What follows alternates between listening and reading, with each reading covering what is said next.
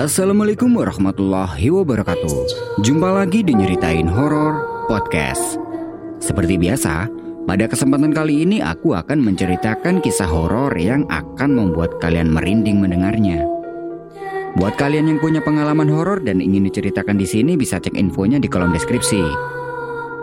Nah, seperti apa kisahnya? Stay tune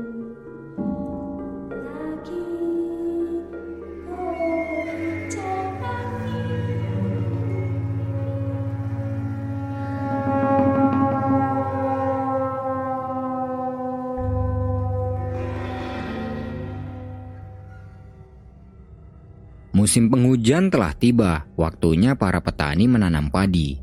Hari itu, Bandi didatangi salah seorang warga kampungnya untuk menyewa jasa.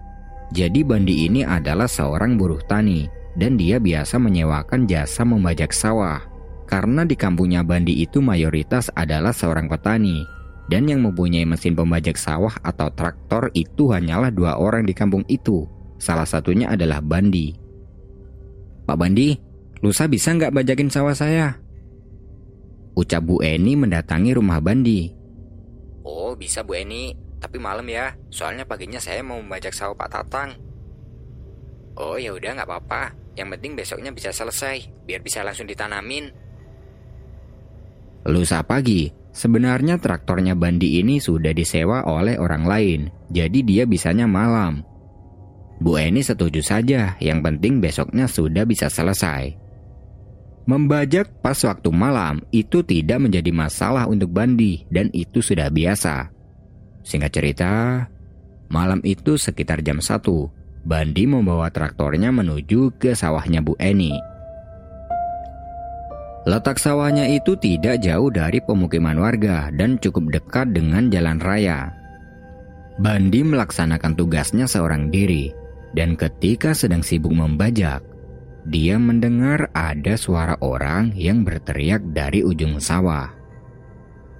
Mbak Bandi, makanannya aku taruh di sini ya.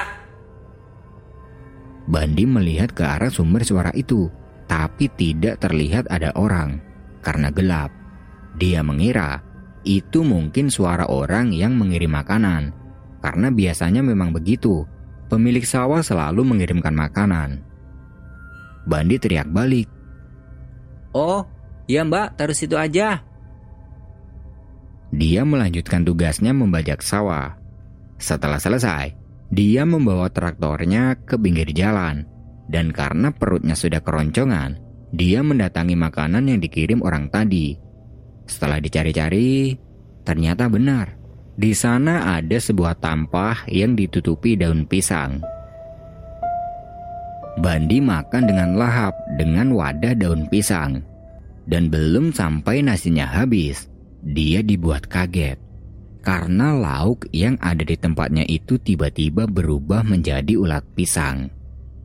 Tahu ulat pisang kan? Ulat yang warnanya putih dan ukurannya cukup besar. Bandi kaget bukan main, dan spontan dia langsung membuang makanan yang ada di tangannya. Dia langsung kembali ke traktornya dan pulang. Di perjalanan, dia memikirkan soal nasi tadi. Wah, nggak beres nih. Lah kok bisa lauknya jadi ulet? Bandi cuek aja sih, karena dia udah biasa melihat dan mengalami kejadian horor seperti itu. Lagi pula nanti juga masih bisa makan di rumah. Di perjalanan pulang membawa traktor itu, Bandi melihat ada kain putih yang bergelantungan di ranting pohon. Karena penasaran, Bandi memperhatikan kain putih itu. Dan kain putih itu semakin lama semakin membesar dan semakin tinggi, sampai setinggi pepohonan. Bandi sudah mengira kalau ini adalah hantu. Tapi hantu apa yang bisa setinggi ini? Bandi bukan orang penakut. Dia mengarahkan lampu traktornya ke arah kain itu. Dan ternyata itu adalah pocong. Bandi berniat mengusir pocong itu agar tidak mengganggu orang lain yang lewat sini. Dia jalan mendekati pocong itu. Mending kamu pergi dari tempat itu dan jangan ganggu manusia lagi. Ucap Bandi sedikit teriak. Pocong itu bukannya pergi, tapi malah menunduk dan menampakkan wajah buruknya. Semakin menunduk, semakin menunduk, hingga akhirnya pocong itu mengeluarkan ludah dari mulutnya hingga mengenai Bandi. Bandi lari dari tempat itu dan mengambil traktornya untuk dibawa pulang. Oh, setan gendeng, karo sopan santun. Hantu gila, gak ngerti sopan santun. Gumamnya. Sesampainya di rumah, dia mandi, setelah itu tidur. Keesokan harinya, Bu Eni datang ke rumah Bandi untuk memberikan bayaran sekaligus minta maaf karena semalam dia ini lupa gak ngirim makanan lantaran dia ketiduran dan tidak ada yang membangunkan. Loh, kalau Bu Eni gak ngirim, terus yang ngirim makanan ke sawah semalam itu siapa? Batin Bandi. Bandi tidak mengatakan itu kepada Bu Eni dan mengiyakan saja. Setelah pembayaran sudah selesai, Bu Eni kembali pulang. Kejadian malam itu adalah kejadian horor yang kesekian kalinya dialami oleh Bandi dan dia sudah melupakannya. Selang satu hari setelah kejadian malam itu, tiba-tiba Bandi merasa gatal di seluruh badannya. Awalnya itu hanya gatal-gatal biasa dan dia menganggap mungkin karena terkena serangga. Tapi Lama-kelamaan menjadi gatal-gatal sakit. Terasa gatal, tapi kalau digaruk sakit. Bandi tidak menganggap serius. Tapi, semakin lama kulitnya Bandi ini melepuh diakibatkan gatal-gatal itu. Karena sudah tidak kuat, dia bertanya pada tabib yang ada di kampungnya. Dan tabib itu mengatakan kalau sakit yang diderita Bandi ini adalah penyakit buduk. Sebuah kampung yang cukup tertinggal. Di sana belum ada yang namanya dokter, bidan, dan semacamnya. Yang ada hanyalah tabib. Dan warga sudah biasa berkonsultasi dengannya kalau mengalami dan menderita sakit. Bandi kaget mendengar pernyataan dari Mbah Tabib. Karena setahu Bandi, penyakit buduk itu sulit untuk disembuhkan. Dan kalaupun ini benar-benar buduk, kemungkinan hidupnya tinggal sebentar lagi. Kabar itu menyebar cepat ke penduduk kampung, hingga akhirnya Pak Kades mengambil keputusan untuk membawa Bandi ke tengah hutan untuk diasingkan. Karena kalau tidak begitu, penyakit buduk itu bisa menular ke semua warga. Mau tidak mau Bandi harus menerima pengasingan ini demi warga kampung. Siang itu dia diantar ke tengah hutan tempat di mana Bandi akan diasingkan dan tempatnya itu sudah pernah dihuni oleh orang yang mengalami penyakit sama dan orangnya itu sekarang sudah meninggal.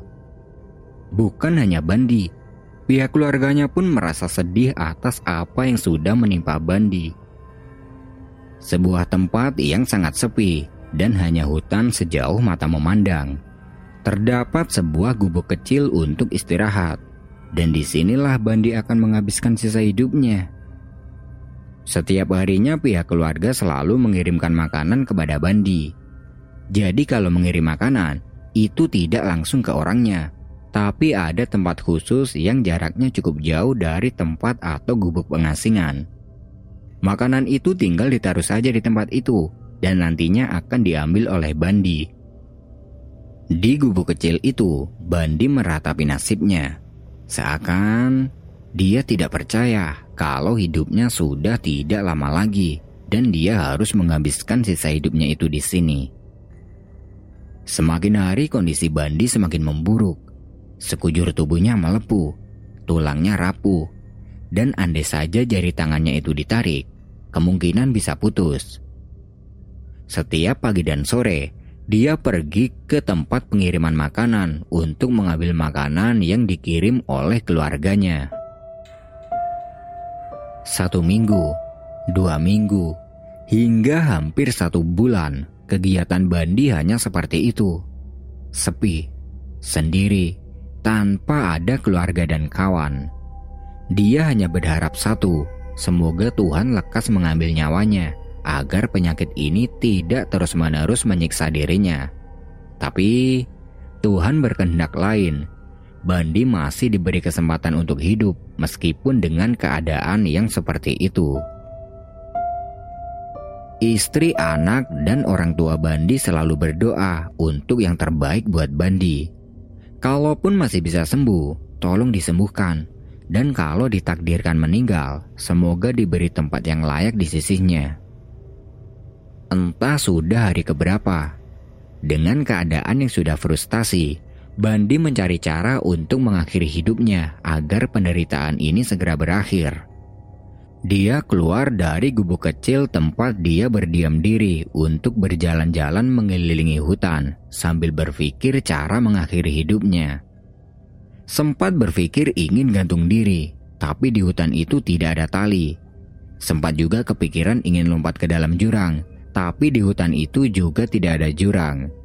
Ingin menghanyutkan dirinya ke sungai, tapi tidak ada sungai. Dia terus berjalan mengelilingi hutan sambil memikirkan semua itu. Dan di tengah-tengah perjalanan, dia merasa lelah dan ngantuk. Dan dia berniat akan kembali ke gubuk. Tapi belum sampai di gubuk, penyakitnya Bandi kambuh. Badannya gatal-gatal dan nyeri. Di situ dia melihat ada beberapa pohon pisang yang sejuk dan memutuskan untuk istirahat dulu. Beberapa daun pisang dia ambil untuk alas, dan tanpa sengaja dia mengambil daun pisang yang masih kuncup, daun pisang yang baru tumbuh. Tidurlah dia beralaskan daun pisang yang masih kuncup itu. Lalu, sayup-sayup dia mendengar ada suara keramaian banyak orang. Dia bangun, dan ternyata dia sedang berada di sebuah kampung. Bandi benar-benar kaget. Kok bisa di sini ada kampung? Dia bangun dan ingin lari karena dia tidak ingin keberadaannya di sini ditakuti oleh warga karena keadaannya yang seperti ini. Dia lari meninggalkan tempat tidurnya dan tiba-tiba dia dihadang oleh satu orang berkulit sawo matang. Pakaiannya rapi dan mengenakan udeng di kepalanya. Orang itu bertanya pada Bandi, Lapo kue Melayu? Apa sing mau weteni? Kenapa kamu lari? Apa yang kamu takutkan? Bandi memalingkan badannya dari orang itu dan tidak berani melihat ke arahnya karena dia takut orang itu nanti akan lari jika melihat kondisinya Bandi yang seperti ini. Sambil membelakangi dia menjawab, Kulo budukan mangke wong-wong kai ketularan. Saya terkena buduk, nanti orang-orang itu akan tertular. Lalu orang itu berjalan mendekati Bandi dan memegang pundaknya sambil berkata, Wes rau saweti, penyakitmu iki ra nular kanggo wong kene. Udah nggak usah takut, penyakitmu ini nggak bakal nular untuk orang sini. Bandi kaget, kok bisa penyakitnya ini tidak akan menular? Wes sing ayem, ayo melu aku. Udah kamu tenang aja, ayo ikut aku. Lanjut orang itu. Bandi berjalan mengikuti orang itu menuju ke kampung tadi. Sesamanya di sana, orang-orang pada bersalaman dengan orang ini dan juga dengan Bandi. Semua orang yang ada di sini ternyata sangat ramah dan tidak ada satupun dari mereka yang menjauhi Bandi seperti orang-orang di kampungnya. Bandi dan orang itu berjalan berkeliling kampung ini dan di situ dia bertanya, "Pak, niki kampung nopo nggih? Kok kulo dereng nate ngertos?" Ora usah ngerti iki desa opo. Sing penting wong kene beda karo wong kampungmu lan aku dadi lurah kene. Kalau dilihat-lihat memang benar, ini beda sama yang di kampungnya Bandi. Di sana dia dijauhi, dikucilkan, bahkan diasingkan. Sedangkan di sini dia diperlakukan dengan ramah. Jadi, kampung yang ditempati Bandi itu adalah kampung gaib yang dihuni oleh bangsa jin. Tapi saat itu Bandi belum sadar kalau dirinya ini sedang berada di alam gaib. Di sisi lain, Pihak keluarga Bandi yang setiap harinya mengantarkan makanan merasa khawatir terhadap Bandi karena sudah dua hari ini makanan yang diantarnya itu masih utuh di tempatnya dan tidak diambil sama sekali. Pihak keluarganya mengira kalau mungkin Bandi sudah meninggal dunia. Perihal ini dilaporkan pada Bapak Kepala Desa dan beberapa orang terpilih langsung bergerak menuju ke gubuk pengasingan untuk melihat keadaan Bandi. Tapi di gubuk itu mereka tidak melihat Bandi. Sekeliling gubuk sudah disisir, tapi keberadaan Bandi tidak juga ditemukan. Mereka menganggap Bandi memang sudah meninggal. Lalu mereka kembali ke kampung dan mengerahkan lebih banyak orang lagi untuk mencari Bandi agar bisa segera dimakamkan. Tempat pemakamannya tentu tidak jadi satu dengan pemakaman desa, tapi ada kuburan tersendiri khusus untuk orang-orang yang terkena buduk. Orang situ biasa menyebutnya kuburan buduk. Setengah hari penuh pencarian terhadap Bandi dilakukan, tapi tidak membuahkan hasil. Hingga akhirnya warga kembali ke kampung dan berencana melanjutkan pencarian ini besok. Mereka tidak tahu kalau Bandi sedang berada di sebuah tempat yang bersifat gaib. Kabar tentang menghilangnya Bandi ini menjadi ramai dan menjadi perbincangan oleh warga kampung. Banyak orang beranggapan kalau Bandi sudah meninggal dan disembunyikan oleh makhluk lain. Ada juga yang beranggapan kalau mungkin Bandi sudah tewas dimakan hewan buas. Di alam gaib, Bandi diberikan tempat tinggal oleh lurah dan dia merasa sudah hidup cukup lama di sana. Setiap hari Bandi jalan berkeliling kampung dengan kondisinya yang seperti itu dan tidak ada satupun warga yang menjauhi Bandi Justru sebaliknya, dia amat dihormati di kampung ini. Semakin lama, Bandi merasa nyaman tinggal di kampung ini. Hingga pada suatu ketika dia didatangi oleh lurah dan memberitahukan kalau dia sedang dicari warga dan keluarganya. Baliyo menyang alammu, wong desa podo ngeleki kowe. Aku mau pengen neng kene ae. Ora enek gunane aku bali. Ora ene wong desa sing pengen cedek karo aku. Sampean bisa manggon ning kene, nanging sampean kudu mati dhisik. Lurah mengajak Bandi ke sebuah tempat di mana dia tidur beralaskan kuncup daun pisang dan mengembalikan Bandi ke alam nyata. Setelah kembali, dia tidak lagi melihat ada perkampungan yang tadi dilihatnya, begitupun lurah yang tadi mengantarkannya. Loh, Mana Pak Lurah ya? Kok kampungnya juga tiba-tiba hilang? Batin Bandi. Dari sini Bandi paham kalau kampung yang tempat dia tinggal itu adalah kampung gaib, begitupun dengan lurahnya. Dia memikirkan perkataan lurah tadi.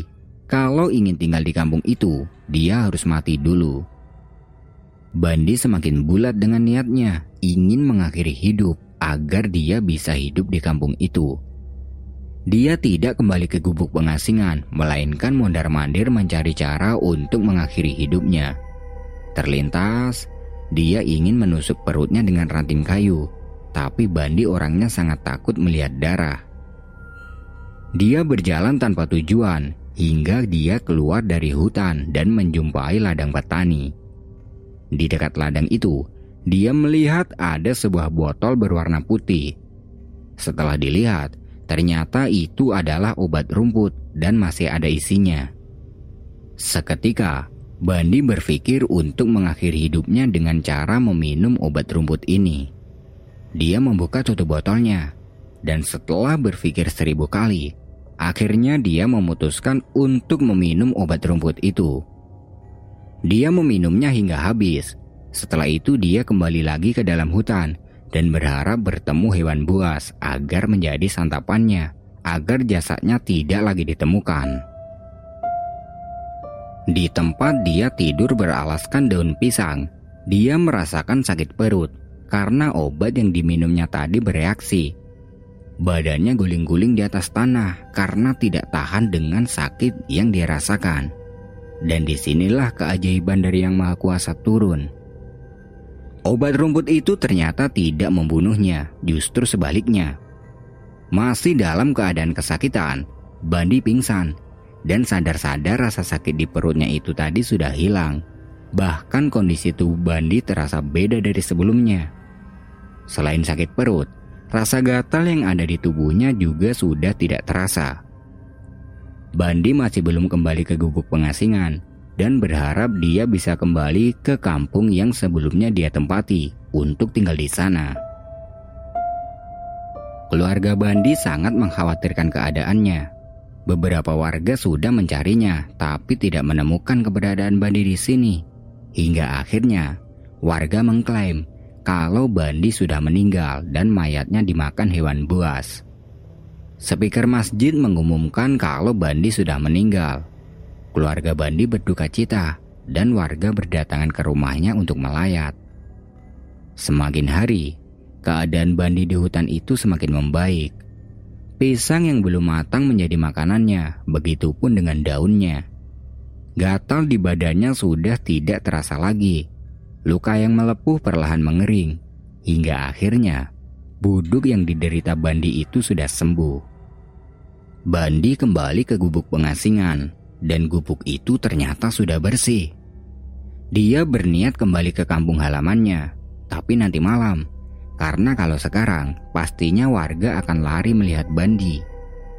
Sementara hari masih siang, dia berdiam diri di gubuk sambil meratapi nasib buruk yang telah dialaminya, yang seakan-akan ini semua seperti mimpi. Tapi dia masih belum yakin apakah warga masih bisa menerimanya. Meskipun begitu, dia sangat bersyukur karena sudah diberi kesembuhan. Pas tengah malam, dia berjalan menuju ke kampungnya. Bisa melihat kampungnya lagi, dia merasa senang. Suasana di kampung malam itu sangat sepi karena warga sudah pada tidur. Sesampai di kampung itu, dia tidak langsung pulang ke rumahnya, melainkan ke rumah tabib untuk mengatakan kalau dirinya telah sembuh. Tok tok tok. Assalamualaikum, De. Waalaikumsalam. Sinten? Kulo, De. Tolong jenengan buka lawangnya. Bah Tabib seperti mengenal suara itu. Ini kayak suaranya Bandi. Batinnya. Beliau turun dari tempat tidur, kemudian membuka pintu. Krek. Pintu dibuka, dan ternyata benar bahwa yang datang malam itu adalah Bandi. Bah Tabib kaget karena ternyata Bandi masih hidup setelah lima hari yang lalu dinyatakan sudah meninggal. Le, kue iki Bandi toh? Inji deh, kula Bandi, kula pun waras deh. Bah Tabib masih belum percaya kalau yang berdiri di depannya itu adalah Bandi. Lalu, dia mempersilahkan Bandi untuk masuk ke dalam dan malam itu Bandi menceritakan semua tentang apa yang dialaminya selama diasingkan ke hutan itu. Bah Tabib mengatakan kalau penyebab dari semua ini adalah wedon yang sudah meludahi Bandi saat itu. Dan menurut Bah Tabib, kampung yang dilihat Bandi itu adalah kampung gaib yang dihuni bangsa jin. Dan yang mengajaknya itu memang lurahnya. Beliau juga pernah melihat keberadaan kampung itu ketika sedang mencari obat di hutan. Setelah menjelaskan panjang lebar, Mbah Tabi memberitahu Bandi bahwa dirinya sudah dinyatakan meninggal oleh warga kampung karena keberadaannya yang tidak ditemukan. Mbah Tabib kemudian memeriksa keadaan Bandi dan Bandi memang sudah sembuh dari penyakit buduknya. Ini adalah keajaiban. Secara tidak langsung, ternyata obat rumput itu mampu menyembuhkan Bandi. Malam itu Mbah Tabib meminta Bandi untuk tidur di rumahnya dulu dan tidak boleh pulang sampai beliau bisa memberitahu warga atas kesembuhannya. Keesokan harinya Mbah Tabib memberitahukan hal ini pada Bapak Kepala Desa dan Bapak Kepala Desa memutuskan untuk membawa Bandi ke kota agar diperiksa secara medis. Pak Kades, Mbah Tabib, dan Bandi pergi ke kota secara diam-diam. Dan pihak medis juga mengatakan kalau Bandi ini memang benar-benar sudah sembuh. Kembalilah mereka ke kampung, dan Pak Kades memberi pengumuman pada warga bahwasanya Bandi masih hidup dan sudah sembuh atas penyakit buduknya. Mendengar kabar itu, semua warga pada kaget terutama pihak keluarganya. Bandi dipulangkan ke rumahnya dan akhirnya dia bisa berkumpul lagi dengan anak dan istrinya. Bandi merasa seperti baru bangun dari mimpi buruknya.